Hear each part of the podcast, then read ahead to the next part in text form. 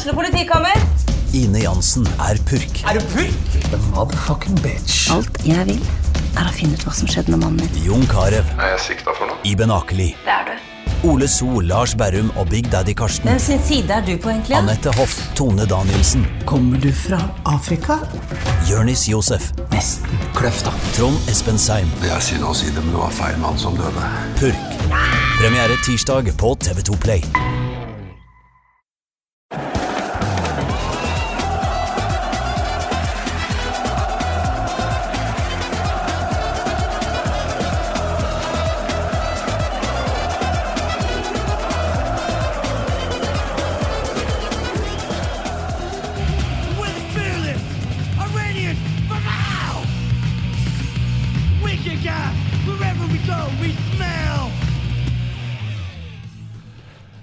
Da ønsker vi naturligvis velkommen til Pyro og Pivos Iran spesial. Uh, akkompagnert av Fearless Iranians from Hell sin uh, tittellåt, som heter Fearless Iranians from Hell. Den mest fryktløse iraneren fra helvete vi kunne finne, det er P3s musikkjournalist Ali Sofi Grimsrud. Velkommen til deg. Jo, takk skal du ha. 100, 100 iraner og 100 hønefossing. Veldig, veldig sant. Eh, jeg er så Hønefoss at eh, du kan kalle meg eh, LF før Hønefoss ble HBK.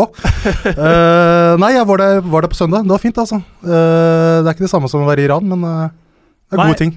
Eh, vi skal snakke mer om hvordan det eventuelt vil være å være i Iran eh, etter hvert. Men du er jo for meg kjent som musikkjournalisten og Manchester United-supporteren Ali Sofi. Mm. Eh, du er jo åpenbart mer enn det. Du har bl.a. Uh, tatt til deg et navn. Ja, du, altså, nå har jeg klart å, klart å lage et menneske, da, eh, Ja. som funker. Uh, så det er jo kjempestas. Og så tenkte vi, uh, hvis det ikke det blir noe av dette Altså, det, det, det, med, det, det med ektemål og i det hele tatt, det, det kommer. Men vi bare kjører på, gjør eh, livet til ungen enkelt, og kjøper et norsk navn i tillegg, så kommer jobbtilbudet litt lettere. Men For å være helt ærlig. Ja, det, det har jeg ikke vanskelig for å tro. Men det er, det er da ikke et tilfeldig valgt etternavn, nei. Grimsrud. Det er, da, Det er min samboer. Ingse. Men noe giftermål er da ikke, Ikke skjedd ennå. ennå. Men familieforøkelse, det må vi jo gratulere med. Jo, takk skal du ha. Han, Eh, eh, han ligger på babygymmen og trener på Eller jeg trener med han med volley. Volleyskudd hver dag, så kanskje en dag. Hvor gammel er Bjokken? Eh, tre måneder snart. Ja, men da er det på tide å trene på volley. Ikke sant? ikke Mm. sant? Og så ser han på masse fotball. Han får ikke lov til å se på skjermen. Jeg har nettopp kjøpt meg en 65-tommerskjær til VM. Mm. Eh, men eh, når kona ikke ser på, eh, eller samboeren, så, så er det masse fotball. Men eh, altså, Manchester United, grunnen til at jeg kjenner deg i det hele tatt, er jo fordi vi begge har vært på United We Podcast noen ganger med, med herr Kenna Senius Nilsen. Mm.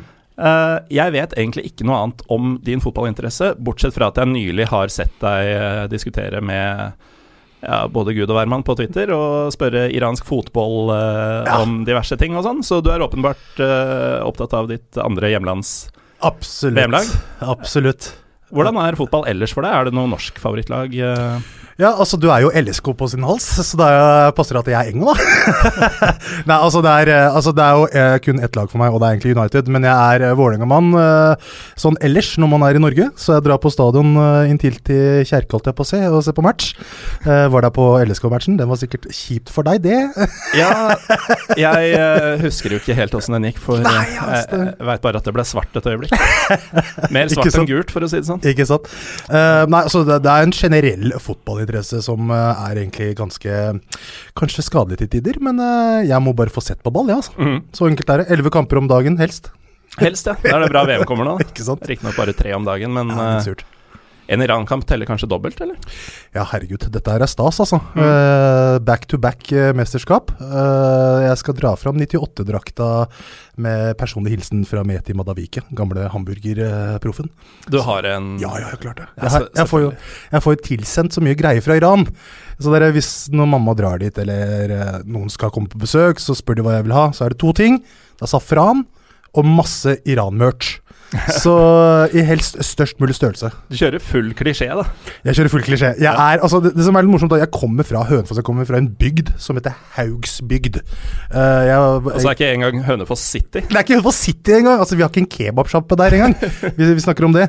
Så jeg har vokst opp i et relativt sånn uh, hvitt, etnisk hvitt uh, miljø, men eh, har alltid vært liksom velsigna med kule iranere rundt meg. Så det, at det, så, så det der iranerinteressen min, den er liksom, den er der uten at det blir sånn helt sånn fanatisk. Men jeg syns det er gøy å se lag som Iran, som, som har hatt vanskeligheter, som blir, blir motarbeida av myndighetene, eh, gjør det så bra som de gjør. da. Eh, og nå som det er VM hvert fjerde år, jeg har venta fire år på det her, let's go! Det er jo litt freidig å sitte som For du er jo 100 hønefossing, altså nordmann også. Eh, Ja og sitte og ah, Nå har jeg venta i fire lange år på å være med i VM. Jeg hadde din eh, kollega i NRK Josef Hadaoui her eh, Ja. nylig, og han hadde jo venta 20 år og syntes det var lenge. Eh, disse andre nordmennene, de venter jo fortsatt. Ja, nei, nei, altså, Det skal også sies at jeg er en stor uh, tilhenger av det norske landslaget. Som Ken sa det en gang. uh, altså, Når man først uh, har kjørt Ferrari, så er den følelsen eh, Man higer alltid etter den følelsen igjen. Ja. Så jeg var på Panama-matchen. Ja, kjempekamp. Og gode åpningsfem minutter, og så Ja, det var eh, Men de møtte jo altså at om Panama Altså, Panama kommer til å bli sabla ned, altså. Det så ikke Mm. bra ut i det hele tatt. Nei, det tror jeg på. Jeg har eh, fylt ut et Excel-ark eller to med tippetips, og jeg tror ikke jeg hadde en scoring på dem i løpet av gruppespillet. Nei, altså de en De har en eh, midtstopper som leker quarterback, eh, og så har de en som, som slår til en venstre ving, da. Og det er det. Det det høres ut som Arne Erlandsen kunne raffinert angrepsspillet deres litt. Strengt tatt. Strengt tatt. Uh, det høres ikke bra ut i det hele tatt. Men uh, vi, vi skal snakke om Iran først og fremst. Og eh, du har jo et enda tettere forhold til uh, iransk fotball enn jeg uh, trodde. Fordi da vi uh, korresponderte litt om hva vi skulle snakke om, og sånn, så dukka det opp noen familiemedlemmer som, Ja. som har vært aktive i, i storfotballen. Ja, det er jo eh, familiens eh, store stolthet. Eller i hvert fall for mine, så syns det er veldig stas, da. Uh, onkelen min, Kasem Bayati, sto jo mål uh, for Perspolis og iranske landslaget på 60- og 70-tallet. Mm. Det som er litt sjukt, er at jeg finner ikke noe på internett om det. Men jeg veit jeg, altså, jeg har sett bilder uh, hvor han på lagoppstillinger med disse 100 000 folka på stadion, og hvor han omfavner uh, Eusebio. Så han har jo spilt mot disse store her, så har jeg hørt masse stories. Han møtte Cruyff, han møtte Pelé, og det var ikke måte på. Jeg har ikke sett eh, dokumentet på det. Nei. Så enn så lenge så tror jeg på at han spilte på Perspolis, og jeg veit at han møtte Portugal og Eusebio. Men, eh, men historien strekker seg lenger, visstnok. Mm. VM 78 var vel Iran med i. Eh, det var kanskje for seint for han, eller? Ja, det var vel Da hadde han dratt til USA for å søke lykken, og den traff han. Han gjorde det? Ja. det er omtrent på den tida mange søkte lykken uh, i andre land enn Iran. Ja, det var jo Jeg sjekka diasporaen til uh, Iran i USA. Det er jo helt sinnssykt mange. Det er 120 000 iranere eller noe sånt. Eh, til sammenligning 20 000 her i Norge. Mm. Mm. Men der også stammer vel uh, innvandringa fra Iran til Norge Stammer vel også fra den tiden? Ja, sånn 77, Absolutt. 78, Ja, vi, kom, eh, vi, vi kom hit i eh, pff, når var det, 86, men det var fordi vi hadde litt trua, tror jeg. Mm. Og så skjedde det ting. Altså, onkel som har spilt for landslaget, og er det Perspolis det Pers- uttales? Ja, Hvis du skal være ironi, så må du si Perspolis. Perspolis. Perspolis. Mye lettere enn jeg trodde. Jeg Ja. har bare sagt Persepolis ja, fordi det er sånn det skrives. Ikke sant? Og i USA så sier de Persapolis, som en uh, Perspolis. Men de sier mye rart. De sier mye rart. Uh, de prøver ikke å uttale ting engang. Jeg, tenker på Amerikanere. Ja, ja, herregud. Det er, men altså, eh, liten digresjon her, men å, å høre MLS med amerikanske kommentatorer Mm. Altså, det, det bikker over i komedie, da. And he scores! And he scores! det er sånn, ok. Jeg husker jeg, I studieåra mine så må jeg innrømme at jeg streama en del Premier League. Mm. Eh, og da var det en Fox eh, Soccer Channel eller noe sånt som hadde de beste streamsa. Og da var det engelsk fotball med amerikanske kommentatorer. Og det var så bisarro, altså. Ja, det tror jeg på. Også. For det er måten de omtaler sporten på og sånn. Jeg hadde Ja. den samme da jeg sto i en uh, green Nei, hva heter det? Mixed zone med Bob Bradley på Åråsen. Mm. Overhørte han snakke om eh, spillernes kvaliteter og sånn. Og det, var, det er noe off, rett og slett. Det det, Med altså. måten amerikanerne Ordvalget deres og Ja. uh, men det er jo ikke det dette skal handle om. De har blitt flinkere, det skal sies. Ja, ja de, de tar jo sporten seriøst nå. Ja, stor interesse. Mm. Eh, men de skal ikke være med i VM nå, da. Uh, Nei, kjipt det. Christian Pulisic. Det er han du velger å trekke fram som sånn Nei da, det er bare litt, det er bare litt sånn moro. Eh, Det er jo liksom Da Moyes ødela United, og så var Fellaini liksom selve symbolet på hele greia. Og det er litt sånn jeg føler med Pulisic akkurat nå. Mm. Sånn derre Å, vi skal til VM, og jeg vil ikke spille Nei, det blir ikke noe. Men apropos USA, så kan vi jo ta uh, det eneste forholdet jeg egentlig har til iransk fotball. Mm.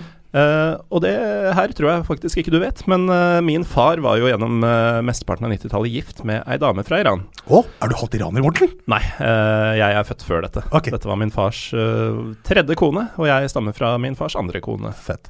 og deres sysler. Eh, men i hvert fall, eh, det ville jo ha seg sånn at i 98 eh, Mitt første VM var i 94, men jeg var litt for ung til å skjønne alt. Mm. Så mitt første VM hvor jeg virkelig hadde oversikt over hva de forskjellige landene var, og spillerne og sporten, eh, da jeg var 14 år i 98, det er liksom da det virkelig tok av. Og um, Iran møtte den store shaitan i USA. Og Ja. du kan tro det var liv i heimen da, da gutta dine vant. Ikke sant? Ja, det var, eh, det var gøy, da, altså. Det var kjempemoro. Men altså, eh, det, hand, eh, det er så dumt, akkurat den der politiske biten på det hele. Det er sånn, jeg, jeg tenker heller at Iran har, skal delta i sitt femte mesterskap, mm. VM, men de har kun klart tre poeng. Um, og det er det, det, er det jeg Det er tenker. At det er liksom, ikke nødvendigvis politisk bundet til det hele, liksom. Men, øh, men uh, ja, det er jo stort. Det er jo noen som spurte på Twitter om det her var like stort som uh, 98 Ja, Christian Holum, som vi har hatt som gjest her i en mm. eh, episode om Old Firm, han eh, lurer på om iranere ser på seieren mot USA i 98 på samme måte som vi eh, her i Norge ser på seieren mot Brasil. Ja, ikke sant? Nei, altså det, er jo, eh, altså det er jo det største Iran har klart på en internasjonal arena. Så enkelt er det bare. Eh, og med det så blir det deres eh, største, først, først eneste trepoenger i et VM. Uh, men, men, å, men å se fremover, der er eh, Carlos Queros, altså landslagssjefen til Iran, uh, der, er, der er de gode. Fordi det er mye som Vi skal bygge det her. Og der er eh, Carlos Queros veldig, veldig god. Men det kommer vi kanskje tilbake til. Det skal vi komme tilbake til. Vi skal snakke masse om, eh, om laget Iran, eh, eller troppen Iran sender til eh, VM, og deres sjanser. Eh, men veldig kort eh, der, før vi går i dybden på det litt senere. Er det et av mesterskapets mest undervurderte lag vi snakker om, eller? Jeg tror kanskje det. Det er ingen som tror på dem. Nei, det er ingen som tror på dem, og jeg elsker det. Når jeg bare hører eh, eksperter eh, bare sable dem ned, fordi de ikke har giddet å gjort research, rett og slett. Ja, men jeg husker for fire år siden de, Jeg skal ikke si de hadde Argentina i kne, men de eh, ga ordentlig match. Uten Og- verdens beste spiller på den tida der, så hadde det, aldri, så hadde det blitt poeng mot Argentina, Mm. og håp mot Bosnia. Ja, de var, eh, de var gode, rett og slett, i flere kamper. De var det. Det var, eh, det var eh, defensiv Altså, det var defensiv struktur, men, men det, det, det var gjennomført, da. Mm. Det var jo Det er litt som Uten sammenligning for øvrig, det er litt som det Reka driver med nede i, nede i Start.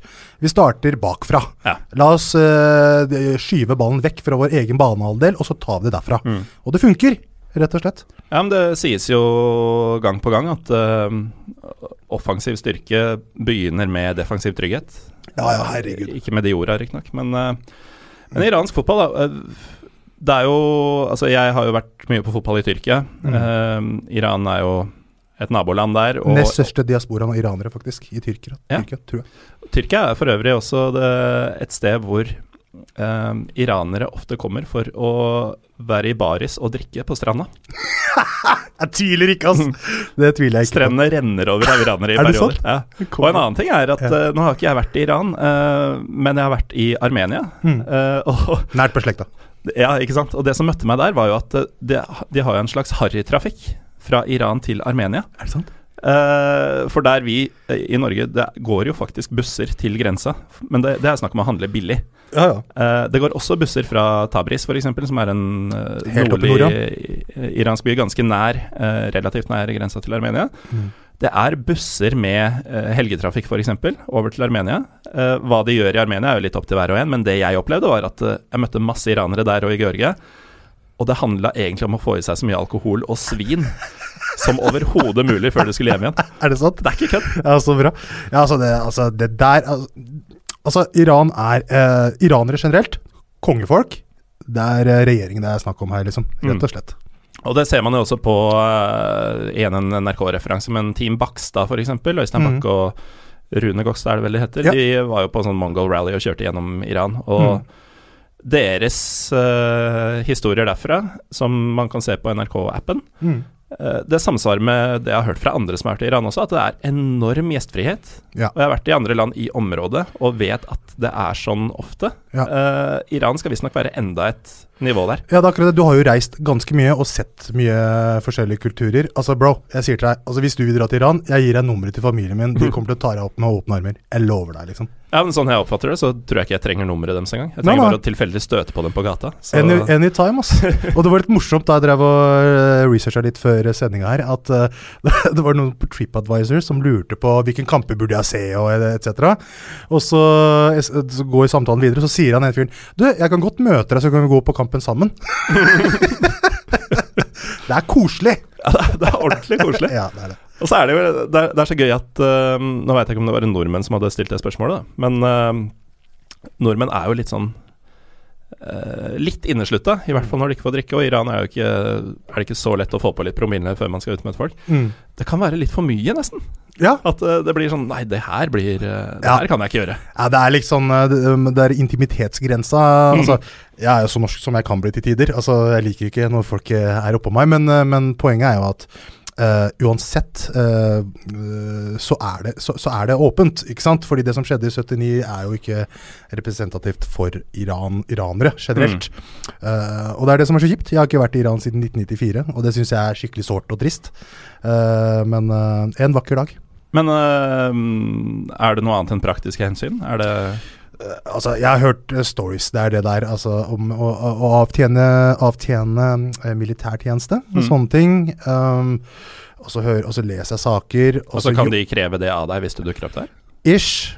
Og at jeg jobber som journalist Mm, eh, ja. det- for, eh, og skriver om vestlig musikk, liksom. Mm. Og jeg sitter jo her og snakker dritt om eh, myndighetene her, liksom. Så, Med en pivo i hånda. men med en pivo i hånda, ikke sant. Så det er sånne ting som noier meg, da, rett og slett. Mm. Eh, men det er snakk om å få til en sånn eh, hva heter det, familiesamling i slektstreff i eh, Tyskland. Ja. Eh, det hadde vært veldig stas. Ja, det hadde jo selvfølgelig vært hyggelig, men eh, Mm. det er jo ikke Iran. Det er selv, ikke jeg, Iran. selv om jeg kan snakke varmt om Tyskland i tre døgn i strekk. Ikke sant? Men så sa tanta mi, nei, tanta mi, kusina mi som nettopp var på besøk, at uh, det her kan du bare få ordna hvis du drar til ambassaden. Mm. Men vi snakker om et uh, ganske spesielt regime nå. Uh, så det er litt sånn vilkårlig. Det er, det, er, det er kjip samtale å ringe hjem til samboeren og si «Ah, Du, vi ses om et par år, da. Bli bare voks, eh, fostre den kiden så best du kan, så tar vi det. Men du, du er jo norsk statsborger. Ja. Du har ikke delt? Nei, Nei, det tror, ikke, det, det tror jeg ikke du kan. Nei, ikke sant. Og da, Jeg er litt usikker. da har dette veldig lite med både fotball og VM å gjøre. Men eh, ville det ikke da blitt en diplomatisk sak mellom Norge og Iran i så fall, hvis de hadde holdt deg der? Som norsk statsborger og egentlig ikke noe annet med Iran å gjøre enn en aner? Ja, det kan, det kan hende. Altså. Jeg har jo liksom lagd den, den der planen i hodet om det skulle skje noe. Det ordner jo seg, det går sikkert Ja, ja. helt fint. Det er ikke det. Jeg har jo flere venner som har dratt dit og kommet tilbake med helsa i behold og drar tilbake dit og i det hele tatt. Mm. Det er bare Jeg veit ikke. Det er eh, Kanskje jeg er litt feig, rett og slett. Nei, det Det får være dine ord eh, i så fall. Men eh, nå må vi nesten ta, ta ballen her. Og ehm, vi kan jo egentlig starte med den hjemlige fotballen. Fordi det jeg først og fremst eller, lurer på først, før vi tar uh, selve VM, er hvor fotballgærne er iranere. Uh, jeg skjønner det Du snakker om at uh, du har venta i fire lange og fire brede på dette her. At nå er det VM igjen. Og utenom det så har jeg egentlig ikke andre inntrykk enn at jeg kjenner til dette Teheran-derbyet, Ja. som jo er helt gale, Mathias. Så jeg har inntrykk av at iranere Landet står stille under VM. Er det Altså, et, et beste eksempel på det her er eh, familieselskap. Eh, pappa ser på et eller annet, jeg tror ikke det var fotball engang. Snur seg til samboeren min og sier 'Ingse'. Så sier Ingse 'Ja, Akbar'. Så sier Akbar 'Jeg elsker fotball'. Sånn helt Ut av det blå? Helt ut av det blå. Så det er, det er fanatisme, da. ikke sant? Mm. Det er så sinnssykt gøyalt. Og idrett generelt er jo ganske stort i Iran. Mm. Du har bryting og volleyball er jo det store sammen med fotball. Og futsal og strandfotball. Så det er hvor Iran gjør det veldig bra, faktisk. Både Både futsal og strandfotball. Ja. Eh, Hever seg veldig liksom betraktelig. Slo ut Brasil i futsal-VM, hvis ikke tar feil, ikke så lenge siden. I en eller annen semi eller kvart, jeg husker ikke. Uh, men det er, det er altså, Carlos Queiroz sa det veldig bra. Om du besøker landet, så vil du se fotball i DNA-et til iranere. Det er, eh, altså, det, er, det er fotball i blodet, liksom. Mm. Uh, jeg vet ikke om landet står stille, kanskje litt mer motsatt. så den interessen Landet er vibrerer. Landet vibrerer. Altså, det er 11 av 10 interesse, rett og slett. Mm. Veldig, veldig bra. Ja, det er, eh, det er en, et bra sted å starte. Og um, Pyro og Pivo har jo en lytterskare som er gal nok til at de vil gjerne høre litt Du, om uh... det har jeg hørt gjennom et par sesonger her. Det er nydelige folk som kommer og gjester her. Altså, det er mye gærninger, men det er diggere. Jeg har et par episoder til lineup uh, før jeg tar sommerferie, og det, det blir mer Trym Hogner blant annet. Å, Trym! Ja, det er sjef, altså. Helt sjef. Alle elsker Trym, altså. Ja, ja, det er, det er ikke rart, da. Men uh, det, jeg har jo stilt eh, spørsmål til Twitter og Facebook om, Mm. uh, om hva folk vil vite, og vi kommer jo tilbake til eh, dette Esteklal mot Perspolis. Stemmer. Hvordan sier du Esteklal? Esteklal. Esteklal? Ja, men det er jo forholdsvis enkelt. Ja.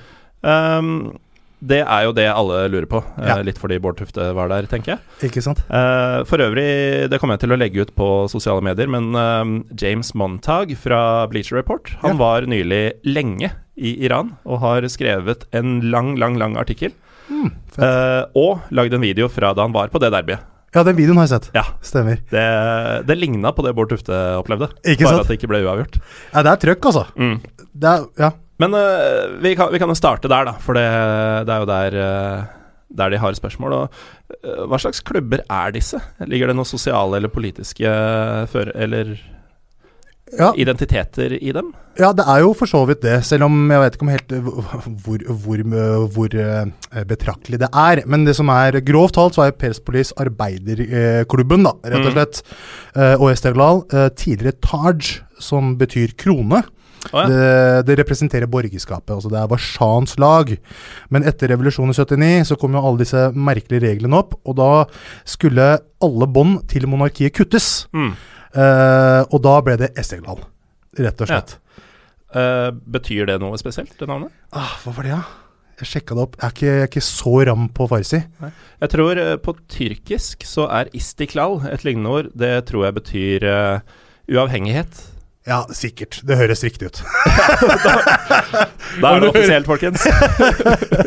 ja, men det, jeg, jeg tror det var noe Jeg tror det var noe Det er jo disse pompøse, svære liksom slagorda, nesten, da. Mm. Ja. Til tider. Det er jo et passende navn å velge når du skal fri, lø, løsrive bånda fra, fra et tidligere eh, regime. Mm. Men eh, det er altså et mm, Perspolis, var Ja, du sa, som Perspolis. var eh, arbeiderklasse opprinnelig, og Esteklal som Som er liksom mer upper class. Ja. Altså Det er liksom Lyn Vålerenga, hvis du vil. Nydelig sammenligning. Litt sånn. eh, og det er jo 100 000 på kamp på disse Azadi Stadion-greiene. Folk møter opp liksom sju på morgenen for å Mm. lage liv, da. Og jeg tviler ikke om de begynner å lage mat på det stadionet nå, for det er sånn iranere gjør. Mm. Jeg husker da jeg var liten og dro på Tusenfryd, mutter'n begynte å grille liksom midt på plenen der. Altså, det er sånne ting man gjør. Så det er liksom make a day out of it. Det er jo veldig den følelsen, da. Så det er Eh, tailgating nesten, bare inne på stadion og uten uh... Det, Gallosen. Det er tailgating innafor stadion. Ikke sant? Og der får du jo langt Der er det jo uh, større muligheter. Uh, eller det er mindre kontroll. Og der går jo også det politiske fram òg. At det er muligheter for å komme med ytringer. protester, ytr ytringer, og eh, smugle damer inn, rett og slett. Ja, hvordan er det? Fordi damer på stadion er jo ikke lov. Nei. Eh, og jeg vet ikke om du har sett Life of Brian? Ja, ja, klart det. Er du gæren. Når eh, det er steining, Mm. og alle damene tar på seg løsskjegg og, og mørker til stemmen. Er det, er det sånn det funker i dagens Iran, liksom, på fotballkamper? Ja, altså det er jo Jeg tror du, jeg tror du liksom kjører på en sånn sirkusbart, og så eh, later du som at du er en kis, og så uh, Mhm. durer du inn. Men jeg tenker også når det er 100 000 folk der, så er det kanskje ikke så lett å holde styr på alt. Så det er jo Nei. gode muligheter for å få det med seg, da. Men det sagt, så vil jeg også anbefale en film som heter Offside. En iransk film om akkurat det her.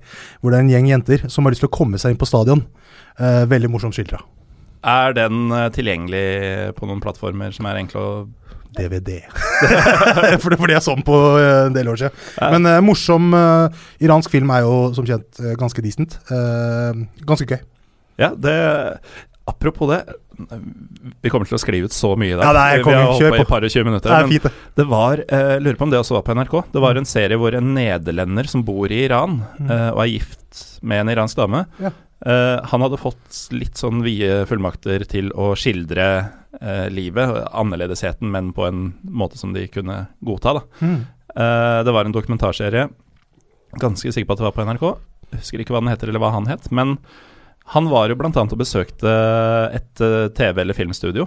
Og da det var eh, en scene med en mann og en dame eh, La oss si det var en såpeserie, da. Mm. De viser jo ikke kyssing og sånn. Nei, nei.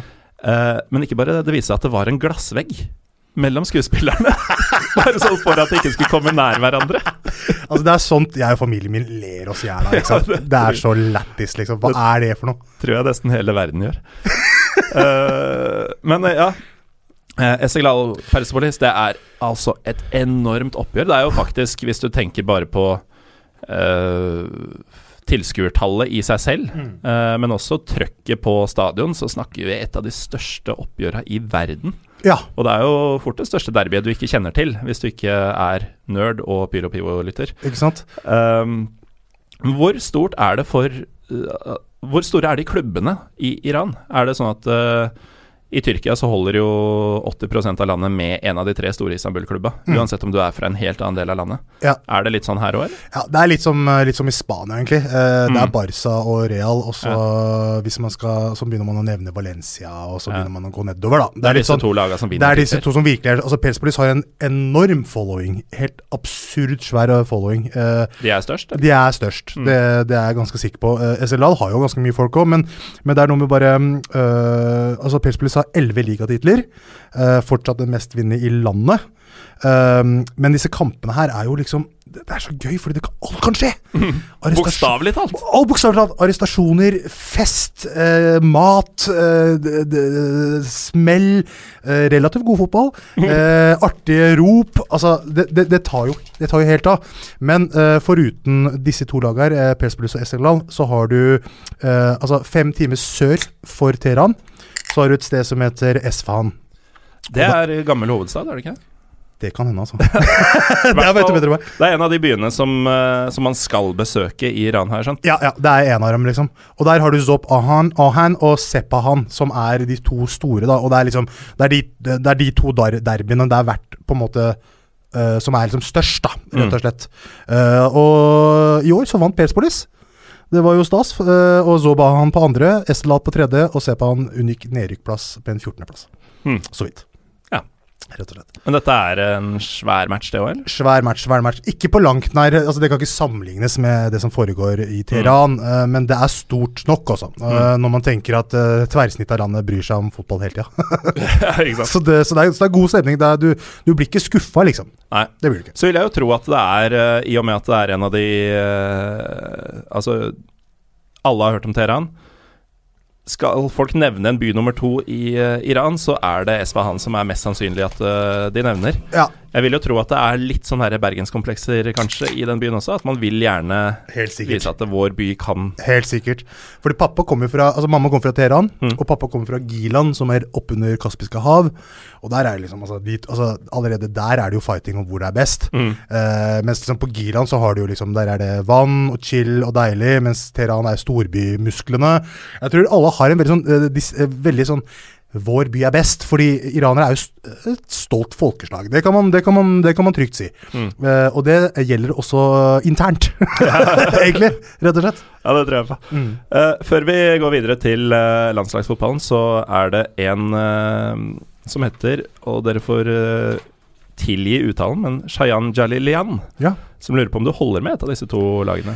Ja, jeg så det. Uh, altså, jeg er jo historisk bundet til Perspolis pga. Uh, onkelen min Det gir jo mening, det. det, og faren min. Men du tar, tar du forbehold om at eh, onkel er en lurendreier, eller siden du ikke finner Nei, jeg har, ja, men jeg, har, jeg, har sett jeg har sett et postkort. Jeg, har, jeg har et postkort hvor han eh, står eh, Hvor han er, går på, er på kne uh, med fotballdrakta, med uh, keeperdrakta, og det bildet med Eusebio. Så det har skjedd! og en liten sånn eh, kjapp greie der. Uh, pappa uh, var jo veldig stor uh, Perspolis-fan og dro på alle kampene. Ble kjent med Kasem, altså onkelen min, Mm. eh, og ble kjent med mamma deretter. Oh, ja. Så det er veldig stas. Det er nydelig. uh, vi, kan, vi kan jo egentlig ta litt mer om uh, Nei, vi, vi tar det seinere, vi. Eh, VM-laget 2008. Uh! Eh, 18 er det vel nå. vi var litt innom det i stad. Jeg tror uh, Iran er undervurdert. Hvor gode er Iran? Iran er gode. Iran har vært Asias beste lag. uh, uh, I veldig mange år. Altså for å si det sånn da Iran har ikke tapt mot et asiatisk lag siden 2015. Og man kan si hva man vil om eh, Fifa-rankingen, men det er en indikator. det er Iran uh, først nå uh, har blitt slått av Australia uh, siden 2014. Som har gått forbi av av de asiatiske landene. Nå har med oss Oceania. da Mm. Og det er bare fordi de spilte én million kamper for å komme seg til VM. Ja. Så det er et kjempegodt lag. Ni clean sheets i kvalifiseringen. og det er ikke all verdens motstand de møter, men et kjennetegn med det iranske landslaget er kontinuitet. Mm. Gjør det generelt bra i Asiamesterskapene, selv om det er lenge siden de vant. Så, så det er et sterkt lag med et godt fundament, med en fantastisk trener i Carlos Queiroz. Og så er det litt sånn eh, Du sier at eh, ja, det er det beste laget i Asia. Mm. Og så kan jeg se for meg Jeg, jeg hører liksom et par hundre lyttere drive og fnise litt. Sånn, Ja, ja, hva hva betyr det? Men eh, det er jo ikke så lenge siden Eller det er jo det, men uh, Sør-Korea f.eks. er en lei nøtt å bryne seg på for hvem som helst. De var i semifinale for noen VM siden. Ja, ja. Eh, Japan alltid litt sånn derre Kagawa? Ja, alltid mulig åttendedelsfinalelag. Ja, ja. Eh, Saudi-Arabia er alltid med. Alltid Mm. dårlige, riktignok. Men, men det fins jo eh, fotballspillende land i Asia. Altså Det er ikke bare bare å være best der. Ja, Det er ganske ignorant hvis man på en måte tenker at det der er bare en smal sak, og gjøre det såpass bra som Iran har gjort det de siste åra. Den kontinuiteten som de har holdt med, disse, med, med motstanden, er jo, er jo ganske decent. Og du ser det med, på kvalifiseringen. Det var liksom De vant alle kampene. øh, foruten Ja, det var øh, ja, uten en kamp. Men altså Sør-Korea øh, Sør-Korea øh, kom på andreplass, og Sør-Korea er jo et ganske ditt lag. Så det er jo Iran, Sør-Korea, Japan, Australia Mm. strengt tatt. Og kan dra inn kanskje Kina eh, Etter hvert. etter hvert, kanskje. Hvis Men, uh, men ja, Li Champings plan uh, funker. Ja.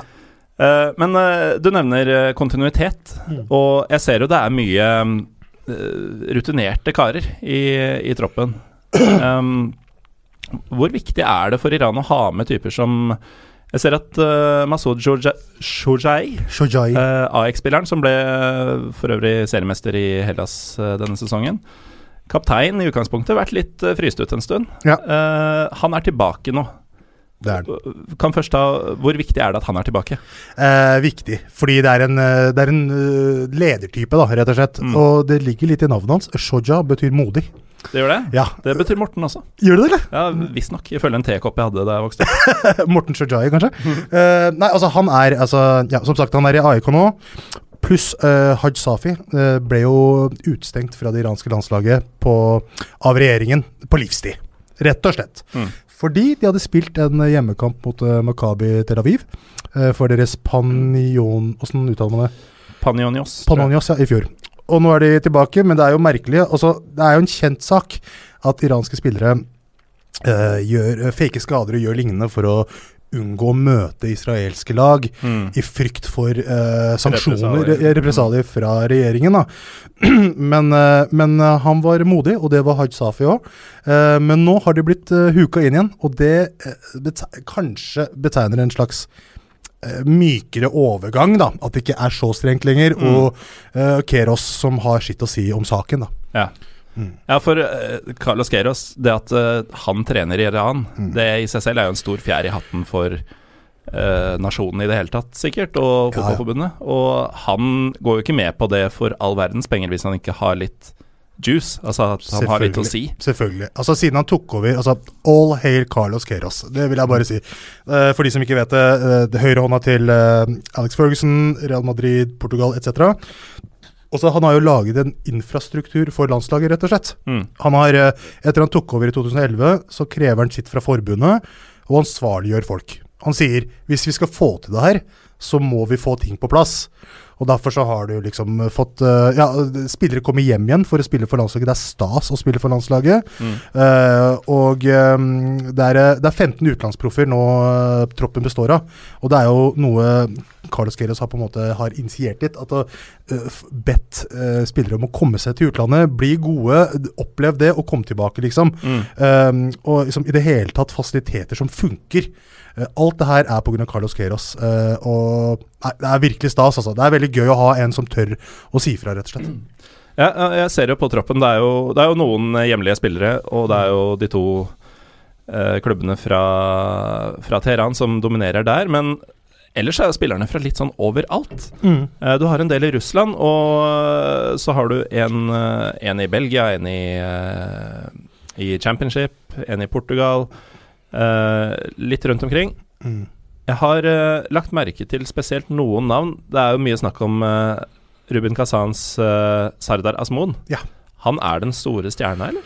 Eh, forbigått nå, faktisk, Ja. av Alireza Ali Reza Jahan Baksh. Og det er jo fullt fortjent uh, at han er på toppen nå. Eh, han skårer jo mer mål enn selveste Bjørn Mors Johnsen. Der ser du, der ser du.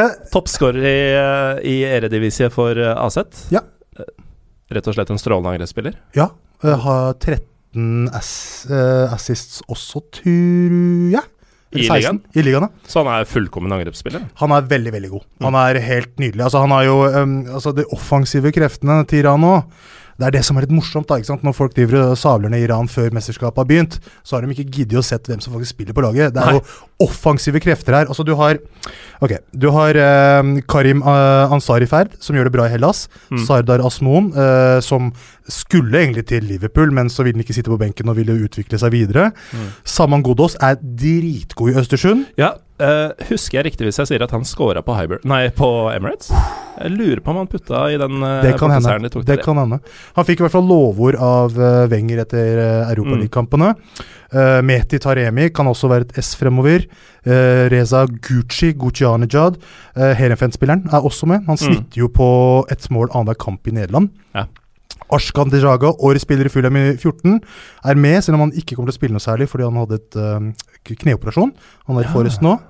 Uh, og han var for øvrig en nær venn av Kevin Prince Boateng. Da de har kjent hverandre siden de var tolv år. Begge spilte for Herta da. Da tror jeg vi snakker en ganske dekadent iraner i Europa. Ja, ja han tror jeg har levd livet, altså. Uten, uten at jeg veit dette, så ser jeg for meg at det har vært noen glass i, Ja, ja. Og, og diverse kanskje i, i sving i, i Ashkan Jagas liv. Det tror jeg nok, altså. Men den egentlige stjernen som vi snakka om, er jo Olereza Jahan Baksh. Mm. Uh, det er um, årets målkonge i nederlandske æresdivisjonen. Landet på en double-double. uh, altså ja, uh, tosifra assis og mål i Mm. en relativt konkurransedyktig liga, da. Uh, 21 og 12, eh, rett og slett. Ja. Foran vår godeste Bjørn.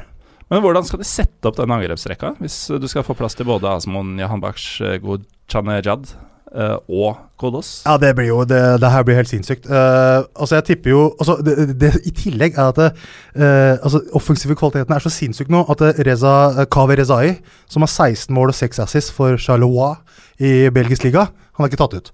Så det her lover jo godt, så jeg tipper at eh, Jeg tipper at uh, Asmoon eh, Og så er det John Batch. Og så tror jeg Gucci også starter. Mm. Det tror jeg rett og slett. Med mindre Ansari Ferd kommer eh, starter, for han start Fordi han mot Litauen i helga så kom han inn og golla et par minutter før overtid. Før fulltid. Skal jeg fortelle deg noe? Mm. Vi starta eh, da vi snakka om tidligere i sendinga eh, om Irans styrker. Mm. Så sa vi at det er, det er defensiv struktur. Nå som vi har kommet inn på selve laget, så snakker vi bare om angrepet. Og det er mye firepower, altså. Det er det, altså. Det er mye Det, altså, det, er, det er det som er så gøy. Fordi, men vi kan også godt ta det, det, det, det defensive her, da. Altså fordi eh, Nå har vi snakka mye fint om de offensive kvalitetene. Mm. Kan den gamle stereotypien om at Iran spiller kjedelig fotball viskes vekk? Muligheten er der. Men så hvis vi skal tenke bakover, da. Det er et gapende høl midt på, om det er lov å si. Ja, altså, nå har jeg tatt ut troppen fra Wikipedia. ja. uh, men ifølge den så er det fem midtbanespillere i troppen. Hvor, Hvorpå det er 1, 2, 3, 4, 5, 6 Dette er god radio. Sju angrepsspillere. ja. Så er jo en angrepsspiller, det kan jo være så mangt, men Ja. det er jo vanligvis ikke flere angrepsspillere enn midtbanespillere i en tropp. Det er akkurat det. Og det er jo, men det, det, er, det er også litt sånn uforutsigbart, dette med Carlos Queiroz. Du vet ikke helt hvilke lag han tar ut heller. Mm. Men det er et problem, det som skjer midt på der. Det er et eh, gapende høl, om det er lov å si, som sagt. Andronik Teimorian, husker du han? Den gamle Fulham og Bolton-spilleren. Så klart jeg gjør. Uh, han er altfor treig og gammel til å bli tatt ut. Mm. Uh, han har fortsatt hestehale, men det er ikke godt nok. Ankres uh, Saeed Etzatoli er suspendert i første kamp mot Marokko, og det er liksom kjempekjipt, fordi han er knallgod. Eh, og pluss alt, viktigst av alt, eh, er at veteranen Jadal Hosseini ble ikke tatt ut. Og det eh, skapte ganske mange reaksjoner.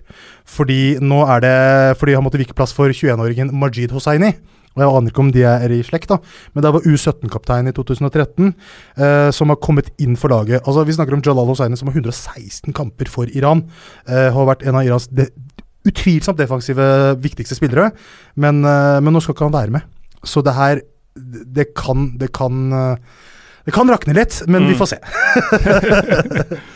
Men eh, når du nevner Teimorian som en eh, fyr som er for gammel, Mm. eh, så kom jeg på at før jeg glemmer det Det har faktisk kommet to forespørsler Mm. om å snakke om gamle storheter. Ja. Det er min gamle klassekamerat fra videregående, Eirik Rogn Aune, som vil at vi skal mimre litt om Ali Dai og Ali Karimi. Og så er det en gjest vi hadde på denne tida i fjor, som bare heter Kvadrofenia på Twitter, som rett og slett spør Ali Dai eller Ali Karimi. Det var favorittspørsmålet mitt av alle som kom der. Ja. Eh, hvem er størst, kan vi starte med. Jeg tipper uh, Ali Dai er vel størst, sånn sett, i anførselstegn. Vi snakker om uh, 109 mål på 149 kamper. For landslaget? For landslaget. Det er jo helt massivt, da, mann! Ikke Ja, sant? Selv om du møter Mauritania, eller sånn, så er det en karriere, en lang karriere som skal fylles med mål. Eh, Ja, så Han var jo ikke noen tøysespiller ellers. Han, Nei, nei, nei, eh, han spilte jo bra for eh, Bielefeld i Bundesliga. Han så bra at han ble kjøpt av eh, Bayern München. så, hvor han ikke gjorde det så godt, riktignok, men han kom seg dit. Han kom seg dit. Han kom seg dit, han kom seg til Bayern, og når du kommer deg til Bayern, så har du, så har du kommet deg steder. Mm. Altså, hvis jeg, kunne, hvis jeg kunne være litt Dr. Frankenstein, så hadde jeg tatt ballfølelsen til Karimi og skåringsdeften til Tidai. Uh, Er det da du ville fått Lionel Messi? Ja, ja, du hadde vel det, men, men Og styrken til deg da. Eh, Styrken, riktignok. Ja, Da er det på Ronaldo, da. Det er på Ronaldo. Ja. Det blir litt sånn Ronaldo alltid, men, men, men, men, men dribleradet til Karimi var, eh, var Messi-isk, altså. Det skal sies. Fikk jeg faktisk litt dårlig samvittighet overfor lytterne. Oh. Fordi jeg husker på eh, Jeg skyr jo Apple, men jeg har lasta ned iTunes på den ene PC-en min bare for å kunne sjekke ratings som folk legger igjen. Okay. Og jeg tror det var der at det var en som skrev en gang at det er befriende fritt for Messi og Ronaldo. Pyro og Pivo. Ja. Og nå har jeg nevnt begge. Ah, smell! Ja. Men vi kan klippe det ut. Vi kan jeg klippe det vekk. Ja. Uh, men uh, hvis jeg må velge, så blir det um, Ali Karimi. Fordi uh, 127 kamper, 38 mål. Det er mye gøyere å se en spiller som passerer ledd, enn en statisk spiss. Sånn er det bare. Ja. Eh, og det er sånn Karimi egentlig var. Han eh, irriterte spillere. Han var en sykt irriterende spiller å spille mot. Han hadde jo ballen, det var limt, liksom. Mm -hmm. uh, og han kom seg også til uh, Bayern. Uh, men ja, Karimi vil holde deg høyere enn deg fordi for, på grunn av estetiske verdier, rett og slett. Jeg nevnte jo i stad, når vi er inne på gamle iranske storheter, så um, var jo 98 var første VM hvor jeg virkelig hadde satt meg inn i det. Mm. Og jeg hadde jo på den tida uh, Ali var jo med i den troppen Mm. og hadde vært toneangivende i kvaliken, og var vel det også i mesterskapet. Skårte sikkert 37 i kvaliken. Eh, og så ble jo verden kjent med Medi Matavikia bl.a. i USA-kampen. Eh, han ble jo enorm etterpå. Mm. Men eh, før mesterskapet så hadde jeg faktisk andre favoritter i det laget enn Oh. Ali. Wow! Og det, og dette er litt rart, for det var før internettet var allemannseie og sånn. Er. Men Karim Bakeri, Karim Bakeri, nice! han digga jeg. Ja, ja. Og så hadde jeg også, av en eller annen grunn, uh, inntrykk av at Khodadad Azizi var bedre enn Ali Dai. Sier du det? Mulig fordi jeg så eh, den der playoff-matchen, om det var mot Australia eller noe sånt. Den Å, hvor de kvalifiserte seg. For en kamp det var, altså. Den holder jeg like høyt som altså, Marseille-kampen, liksom. Mm. Eh, som da United klarte å vinne mot Bayern. Altså, det er liksom, det husker jeg så klart. Det var jo på dagen den kampen gikk, og på uh, verdens beste kanal, Eurosport. Ja. Nydelig, altså. Men eh, det, det var da mine karer, da. Så, Ja, ja. Fett, fett. 14 år gammel Gallosen i forkant av eh, å egentlig skulle se Iran for nesten første gang. Og jeg elska å se trynet til Harry Kewell også. Og han var så lei seg. Og jeg bare Yes! Han hadde sånn tryne som Han så alltid litt sånn eh, Om ikke lei seg, så var det alltid noe sånn betutta over den. Ja, han det, Lav selvtillit, tror jeg. Hmm. Eh, som da igjen førte til at han gikk til Galatasaray. Ja, han dro dit, ja. Ja, gikk det der, da? Nei, han gjorde det ganske bra. Han gjorde det. Mm. Nice. Men uh, da jeg var hos sånn mot uh, mektige Fenerbahçe, da tapte han. Der ser du. Ja.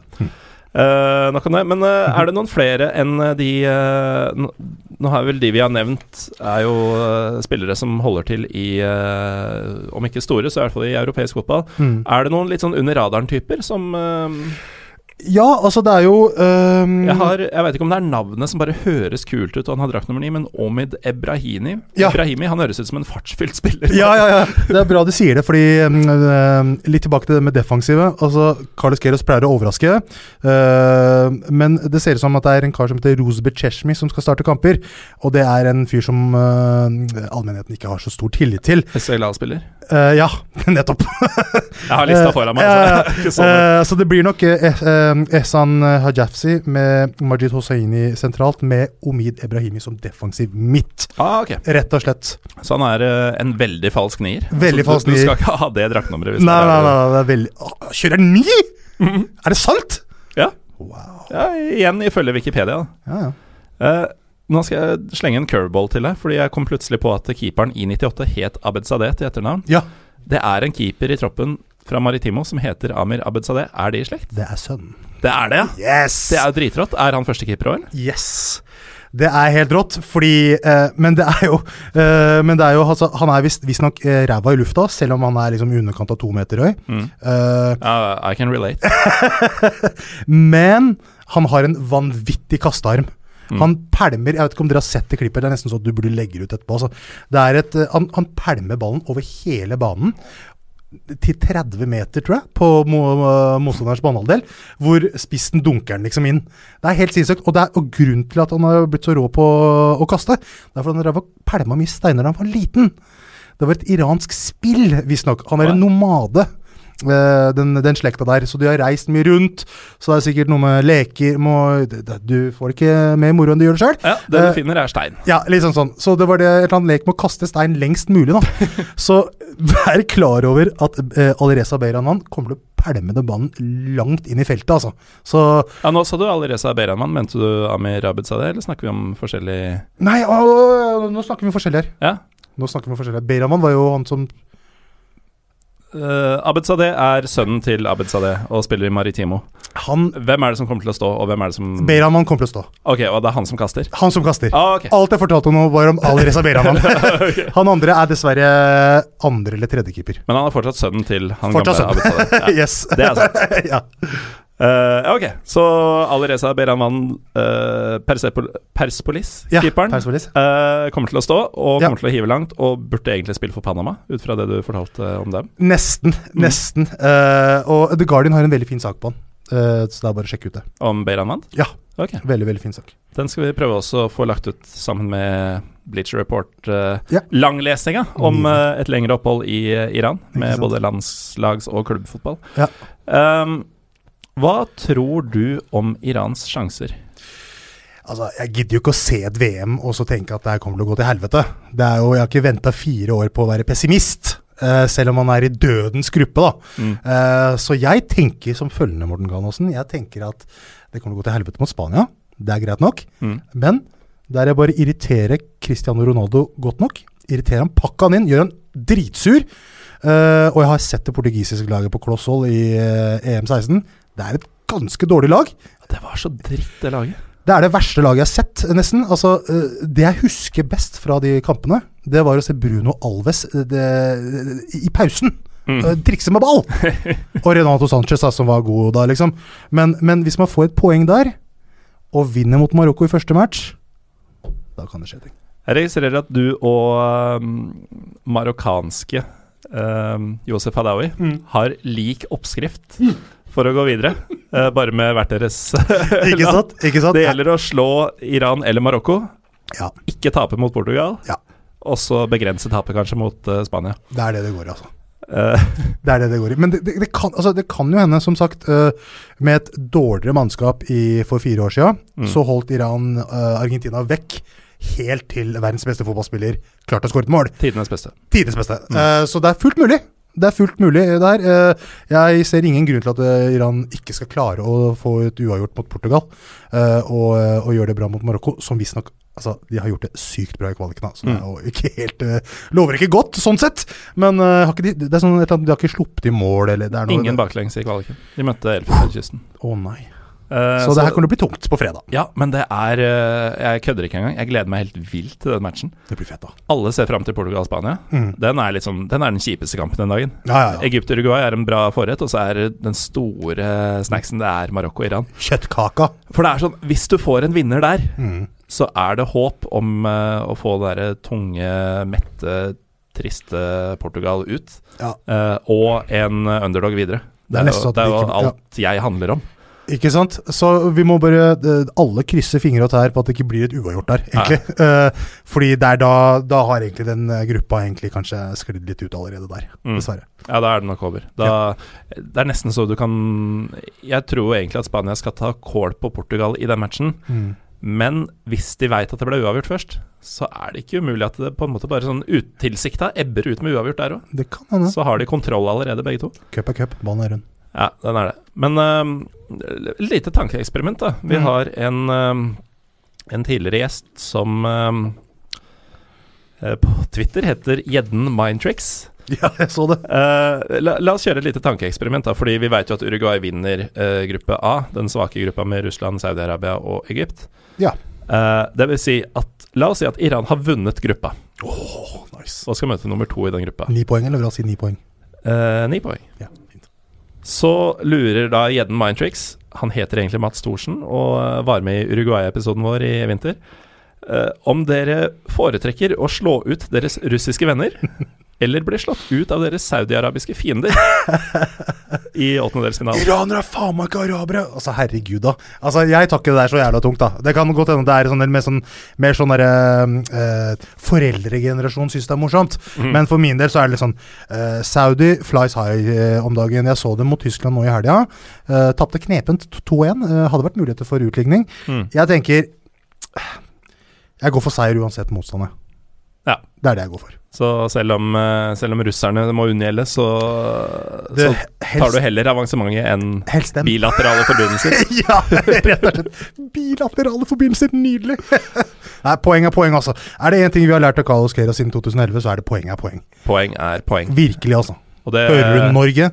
Ja, altså De fleste som hører på, er jo norske, vil jeg tro. Og er det et land som sa i 10-15 år at poeng er poeng, så er det jo Norge. Ja. Under eh, først eh, Egil Roger og så Nils Johan. Og det er derfor uh, Iran kommer seg til mesterskap. De har skjønt det, ikke sant. Mm. Det ikke, altså, ja, man, man kan snakke om liksom uh, mangel på ferdigheter, ikke god nok med ball, men altså har man mulig, Hvis man har klart å knekke en slags kode, da, så er det bare å bruke den koden hver gang, da. Det er ikke vits i å like deilig å skifte den koden. Kjør på, mann! Ja, det, Da jeg satte av studiotid, så um, undervurderte jeg egentlig hvor uh, snakkesalig du er. Glemte at du er proff radiomann. Uh, så vi må nesten ta siste punktet på min uh, lille liste, som uh, handler mer om eh, landet Iran generelt. Ja. For det er jo veldig mystisk og spennende for mange. Jeg har Ja, ja. jo, som sagt, aldri vært der. Hatt lyst i mange år. Mm. Um, men hva hvis man tar seg en tur ned, da? Hva må man gjøre? Først Teheran, tenker jeg. Mm. Hva har Teheran å by på? Det er jo en enorm by. Ja. Det er vel er det 25-30 millioner innbyggere? Det er altfor mange. Ja, det er jo sånn er- latterlig. Man har vært i London, New York osv. Ja. er mye, mye større. Det er helt kaos. Det er helt kaos. Det jeg hadde starta med, der, er bare i basa Jeg hadde s- stikket innom basarene, ikke sant. Start på basarene. Du går rundt der, får deg en digg matbit. Får deg noen fete ting. Kjøper noe safran, selvfølgelig. Går du videre, kjøper noen replikadrakter, og så eh, det- Og da mener vi replika. da mener vi replika. Fake altså. shit. Vi snakker om Adi Hasj, liksom. Er, vi, vi, er der, liksom. Så, men det er egentlig stort Altså, det at det er det regimet som er nå, er at, gjør at det ikke er så altså, Det er ikke noe pivo offentlig, liksom. Nei. Så det er ikke noe untapped uh, app Nei, som, eh, som, som man, eh, som jeg lurte på. Uh, men det er det, det, er det bare det, samhold, da, og det å bare være Litt som Jeg kan se for meg det er litt som i Marokko. Uh, Kaféliv er det mye Mm. av. Eh, det å henge ute til seint. Eh, og så har ungdommen, altså den yngre garde, litt mer uh, designated spots, da. Mm. Hvor du kan kline og holde hender og gjøre den greia der, Ja, liksom. Og jeg spurte faktisk Ståa nå åssen det er akkurat nå, kusina mi. Ute offentlig? Ja, uh, men da er det selvfølgelig da er det liksom gjemt da, bak noen busker eller Mm. ved et sted. da. Men nå, tatt, kusina mi mente nå at nå er det liksom Nå har de så å si liksom Altså, det, det, alt syns! Det er, det er så vidt de har på seg det de må ha på seg, da. Ja. Uh, så det, det er en viss retning det skjer. Jeg skal ikke love noe, jeg aner ikke sånn internt, men, eh, men det virker bra. Uh, Mm. Så hadde det starta med Teheran. Eh, dratt til Esfahan, som du sa. Ja. Men uh, også dratt til Gilan, uh, der faren min kom fra. Mm. Der er det bare sykt nydelig, og der har du muligheten til å Og dette er fortsatt en by, eller er det mer et sånn Det er, et område, det er mer, mer et område Mm. hvor, hvor det er liksom friere, hvis du vil. Ja. Det er lett Altså, der, der går folk egentlig Det er chill. Det er chill, rett og slett. det er chill som bare det, og folk brygger eh, jeg, har, jeg har liksom en, eh, en, eh, en følelse av at iranere brygger generelt mye øl og, og sprit.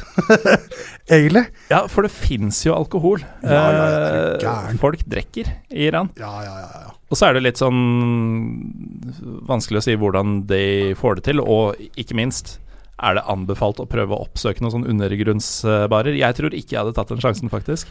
Nei, du kan det, ja, det, det, ja, det er sikkert litt skummelt. Men Iran er jo kjent for også altså svartmetallscena, hardcore-scena og, og til huler. og til huler, ja. Eh, og diskoscena. House. Altså, det er, eh, det er en klubbing-scene klubbing-scene der, rett og slett. Mm. Så hvis du leter godt nok, så får du tak i både ene og andre og tredje og fjerde. Altså. Mm. Så det er egentlig land og strand. Det er bare å se hele landet. Jeg har, Ja. jeg har ikke vært der siden 94, så jeg kan ikke liksom pinpointe alle disse stedene her. Men, men det, du får litt av hvert, da. Mm. For det er så sinnssykt svært, ikke sant. Så, men start i Teheran, det hadde jeg gjort. Ja. Mm. Og Teheran er jo da uh, en storby med Mm. alt en storby har å by på, bortsett fra uh, enkel tilgang til Pivo. Ja. Eh, Esfahan, mer sånn historisk sus over, kanskje? Ja, det er vel det. Ja, øh, selvfølgelig. Det er masse sånne historiske monumenter du kan se, da. Fra gamle Persia og sånn. Det, det ligger jo fortsatt der. Mm. Eh, det var jo, det, var jo øh, det, det, tror jeg egentlig ligger sånn stort sett over hele landet. Men du har de kjempefattige områdene. Du har, du har øh, Rom, øh, som blir ramma av jordskjelv nesten annethvert år, og folk dauer i titusener, liksom. Mm. Så det er, det, er selvfølgelig uh, Gjør researchen og vit helt hvor du skal Ja. uh, før du går. Fordi det er selvfølgelig byer som er veldig religiøst basert, og så har du de mer sekulære bitene, da. Og det er egentlig der du vil henge, spør Ja. du meg. Men uh, om du ramler inn i en av de mer religiøse byene Mm. uh, det, er, det er jo fortsatt ikke IS-land, liksom. Nei, nei, nei, nei, nei, er gæren. Det er ikke sånn det hele tatt. Det, er- det er ikke sånn det funker. Det er bare det at det er litt traustere liv. litt traustere liv, rett og slett. Mm. Men fotball finner du. Ja, fotball Det skal faen meg love. Og det er nationwide. Det er nationwide. Ja. Ja, ja, gæren. Um, hva Jeg, jeg syns jo det er litt ironisk at uh, en av de mer uh, berømte vindruene mm. heter Shiraz. Ja. Og det er jo også fra Iran. Ja, det, den ble plukka opp derfra, den. Ja. Uh, uh, apropos vin, jeg tror det er, uh, det er en iransk dikter som heter Hafez, som levde for sinnssykt lenge siden. Han sa 'Jeg legger gull på den armen som skjenker meg vin'. Så denne tradisjonen med å drikke har, går langt bak i tid. Den gjør det. ja. Ja, er du gæren. Hvordan var det før revolusjonen? Du, jeg har sett bilder av fattern med langt hår og pannebånd, og mutter'n i miniskjørt, og det er sigging, og det er drikking, og det er, det er altså. Shan, altså det, un, under den tida, det var, mye, det var mye fucked up. Det var Savak. Det var, eh, du ble bura inne for hvis du skulle finne på å ha noe left field-tanker. Men det var på en måte lettere, da. Ikke sant? Eh, men den tida der, før 79, bro, det var, det var Party Island, liksom. Stort sett. Det kan jeg love deg. Ja, men jeg, jeg tror deg. Fordi Mm. mitt inntrykk av Jeg har møtt en del iranere opp igjennom. Jeg hadde jo dem jo i familien Ja, ja. I, i oppveksten. Og jeg så jo hvordan de var eh, Holdt på å si da de besøkte Vesten, altså Armenia og Georgia. og i Tyrkia, for den saks skyld. Ja. Uh, det er jo et veldig utadvendt, festglad, uh, liberalt folk. Vi, vi kan det å feste, altså. Mm. Det kan vi virkelig, altså. Så når man Eh, sier at uh, man får de lederne man fortjener, det er ikke alltid sant. du, det der er bullshit, ass. Mm. Seriøst. Det var, greia var altså Jeg skjønner jo at folk var lei på, rundt, eh, på slutten av 70-tallet. Det, det var jo hemmelig politi som bura deg inne for ting, liksom. Mm. Da, da sier du fra til slutt, da. Men så sklidde det også ut. Må vi bare prøve å normalisere det på et eller annet vis. da. Og nå ser du jo faktisk damer, i, eh, damer som tar av seg eh, eh, chador og, og, og demonstrerer og filmer og legger det ut. Ja. Så Det det er er, det er så fett at folk tør å vise den fingeren. Uh, men, uh, men det jeg hater eh, Nå er du en veldig verdensvant, fin fyr, men, men, men de fordommene folk måtte ha mot Iran, Mm. det blir jeg veldig skuffa over. Fordi da, Det bare sier at det er ignoranse. da. Du vet egentlig ikke hva du snakker om når du på en måte frykter at Iran skal bombe et annet land. Da vet du ikke helt, nø- helt hva du snakker om, fordi du har ikke satt deg inn i Du har ikke brukt ti minutter da, på å forstå hva landet står for, og folka rundt. ikke sant? Nei, ikke sant. Rett og slett. Hvor provosert blir du av den, eh, den slags holdninger? Jeg blir provosert. Jeg, Jeg blir- ser jeg- det på deg. Jeg, Det- jeg blir såpass provosert at jeg sier ifra, rett og slett. Mm. Ja. Ja, så du hadde et, eh, om ikke utbrudd, så eh, du, du var litt kritisk mot uh, synser om Iran? ja, det er bare det, altså det, det bare var så lazy, liksom. Er, jeg sitter her nå og eh, sier, sier at det som foregår i Iran, er ikke riktig. Ikke sant? Mm. Det er én ting. Å å si fra at folk skal få friheten sin og i det hele tatt. En annen ting er å komme med corny ass spøk som på en måte ikke passer inn, rett og slett. Mm. Det, det, det, ferdig med den saken. Men, ja, ikke sant. Uh, ja, og det så jeg også. Det, Ja, det ja, vi er ferdig, det er, ikke noe mer. er- Um, It's all good. Men uh, i og med at du snakker om at damer kaster uh, det jeg antar var det, Ja, chador. det farsi-ordet farsi-ordet for uh, hijab, som er kanskje det vi mer kjenner Du, det er Jeg kan ikke helt i Skaut, reg- i hvert fall. Skaut, ja. Det skautet. Uh, det passer jo bra å ta et spørsmål fra en annen tidligere gjest. Mm. Erlend Aasen Gloppestad, eller at Cocorinho. Han er så fan av Kokorin på det russiske landslaget. Nå har jeg ikke sjekka om han er med i troppen denne gangen, men Han er med i Panini-boka, i hvert fall. Ja, da, da er han med. Uh, men han har da oppkalt Twitteren sin etter Alexander Kokorin. Det? Kokorinho. Eh, han lurer jo på et par ting. Uh, det ene er jo om det ligger an til oppmjukning av lovverket i overskuelig framtid. Han er da fra Vestlandet. Ja, Best formulert av alle. Slik at kvinner får gå på kamp. Og vi har vært inne på det, de smugler seg selv inn. Det er noen strømninger i samfunnet. Hva, Ja. hva tenker du?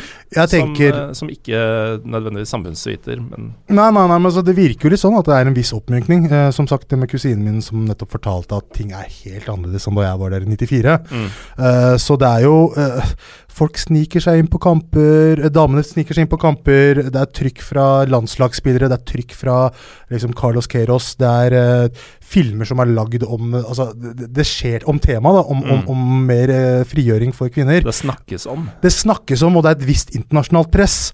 Uh, men jeg veit ingenting. Jeg håper virkelig det. Men det virker sånn, da. Og det her hørte jeg seinest på søndag av kusina mi, som sagt. Mm. At, det, at, det, at det er lettere nå enn det var for 20 år sia, rett og slett. Det er veldig øh, oppløftende. Mm. Uh, han lurer også på uh, hvilke ligaer utenom hjemlig serie, som om alle bare sitter fjetra først og fremst til den iranske ligaen. Uh, men hva, hva er den største ligaen for iranere?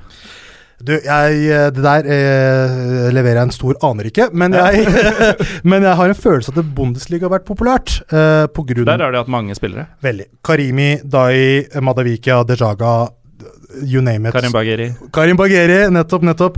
Og at den første uh, ut, iranske utenlandsproffen var uh, Boyok uh, Jedikar, som gikk Mm. fra Taj til Victoria uh, 98 eh, Berlin Ja. i 1957. Så, så det er en viss forbindelse mellom tyskere og Iran. Mm. Jeg ser jo, Når jeg ser på troppen nå, så er det jo en del spillere fra nederlandsliga, en del spillere fra gresk liga. Mm. Uh, men det er kanskje ikke sånn at det er det som dominerer TV-bildet. og Nei, og så veit jeg strengt tatt ikke hvor mye tilgang man har på nasjonal-TV Mm. til alle disse kampene. Men, men det man gjør, er jo classic. Da man lager jo en parabol, og så legger man det på taket, og så lager du et fint skur over. Man lager en parabol. Nei, altså Kanskje de MacGyver-gjengen gjør det. Det hadde vært helt rått. Men du bare mekker en parabol oppe på taket, og så lager et skur, så det ikke syns uh, via droner og hva enn det måtte være. Da. Ja, Så har du tilgang til absolutt alt. ja da er det jo greit. Mm. Eh, vi, du nevnte få i deg noe digg mat i basaren uh, Mm. før vi avslutter. Hva er det man må spise når man er i Spise Iran? kebab, mann. Masse, masse deilig kebab. Grilla tomat, grilla løk. Men det er kanskje litt mer den arabiske biten. Da. Men du har alle disse, det er mye, det er mye gryteretter. Mm. Du har lam, du har, eh, du har aubergine, du har mynte. Det er de smakene der. Det er ikke like Når du spiser indisk eller pakistansk, så er det mer sånn Du har mer Hva er det, da? Eh, eh, hva heter den eh, Ja, gurkemeie og Mm. eh, Hva heter den derre Kumin. Ja. Det, er ikke, det er ikke så mye av det. Det Det er, er ikke mer, så mye kummin. det er ikke så mye kumin. Det er mer sånn Det er salt og pepper, og så er det mye Kuminfri oase mellom, eh, Jeg tror nesten det. mellom liksom Tyrkia og Midtøsten og, og India og Pakistan på andre sida. Ja, det føles litt sånn. Det er i hvert fall den maten jeg blir servert nå hjemme. Ja. Uh, Det er litt søtere, kanskje? litt søtere. Mm. Du har eh, svisker, du har plommer, du har uh, gulrøtter. Det er liksom den, den biten der, da. Mm. Uh, og så er det jo Nå har jeg nevnt safran sikkert fem ganger. Jeg sier jeg gjør det igjen. Mye safran. safran marinert kylling. Det er that's the shit, altså. Men du har jo fortsatt en hel familie i Iran, Ja. Og du har ikke vært der på snart 25 år. Fy faen, 25 år, ass! Når du en dag drar tilbake Mm. og treffer eh, om det er en bestemor eller gammel tante eller liksom noen som du veit holder hjemmet i orden, da, Ja. og, og, og kan eh, kjøkkenet i blinde, Mm. hva er den ene retten hun må lage til deg? Juju kebab og fesenjun. Og det er Uh, juju kebab er grilla kylling, rett og slett. Safrankylling. enkelt og greit? Og så er det fesenjun, som er uh, knuste valnøtter i granateplepuré med kylling. Uh, med ris, da. Ja, Som det, er ganske digg, altså. det låter som noe man kan få i Armenia, for øvrig. Ikke sant? Um, når du da, Hvis vi tar utgangspunkt i at eh, disse ikke brygger hjemme, Mm. Hva drikker du da til disse rettene? Uh, vann. Iranere er veldig glad i vann. Det er mye mas om vann. vann. Det var løvt svar. jeg veit, jeg veit. Men det er liksom uh, noe som heter Jeg husker da jeg var der, var det noe som heter Pars Cola. Altså ikke, Coca-Cola, fordi det er jo uh, heathen. Det er bannlyst. Det er bannlyst. Så du har Pars Cola. Så det er cola Det er, det er egentlig stort sett det samme egentlig som vi drikker her, da. Eh, Brus og juice og vann. Brus og juice og vann, liksom. Og så lager noen um, eh, sånn mynte... mynte eh. Ja. Som er helt massivt. Ta det med noen glade isbiter. Mm. Myntesaft med isbiter? Myntesaft med isbiter, altså, bro. Da har du gående. Ok, Uh, Ali Sofi Grimsrud, takk for at du kom, og lykke til med Iran i eh, VM. Hvor skal du se Iran-Marokko, forresten? Første kampen må jeg se hjemme fordi jeg har blitt far. ja. så, men eh, utover så er jeg klar. Mm. Uh, jo, uh, kan man kjøre litt promo? Selvfølgelig kan du det. Ball. Uh, Sjappa på Youngstorget. Er du også medeier der? Jeg er ikke med der. Jeg er ikke med der. Ja, for det er det mange av. Ja, det er, ja, det er veldig mange. Hæ? Var det ikke Kasper Wikestad som uh, sa at han Jo, før på Juna Ja, der er jeg med. Der, Ja, jeg tror han er medeier. eh, Frode Lie er medeier. Sier du det? Jeg tror det er sånn 15-20. Seriøst? Ja, jeg jeg veit ikke det, men Godt folk som står bak den det sjappa, i virker å være en del folk. Alle jeg veit om som er med der, er bra folk. Ja, ja, det er knallfolk. Mm. så det er Iran-Spania eh, skal jo vises der. Ja. Så der er det jo uh, en liten samling som har, uh, som har blitt liksom uh, oppvåkna. Iranere. jeg tror det, det virker litt sånn. Det virker- kult ut. Det virker litt sånn. Jeg skal i hvert fall dit. Ta meg en tur. Ja. Så ja, så fort jeg får fri fra familielivet, riktignok. Ja, det, det er ikke bare bare, har jeg hørt. Det er ikke bare bare. Jeg Altså. driver jo ikke med sånn sjøl, så jeg kan gjøre hva jeg vil. Det er på tide snart, Morten. Jeg Hvor hører gammel samfunnet sier det. Hvor gammel er du? Jeg, er, eh, jeg blir 34 om et par dager. du å, gratulerer. Ja, takk.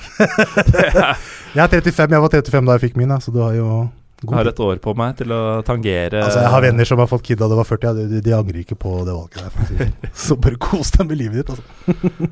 Hvordan eh, Eller hva, hva er en måte å si heia Iran på, på, på språket? Heia Iran. Eller hva, hva sier man når man eh, heier fram landslaget? Golbezan! Da sier vi bare 'Golbezan'!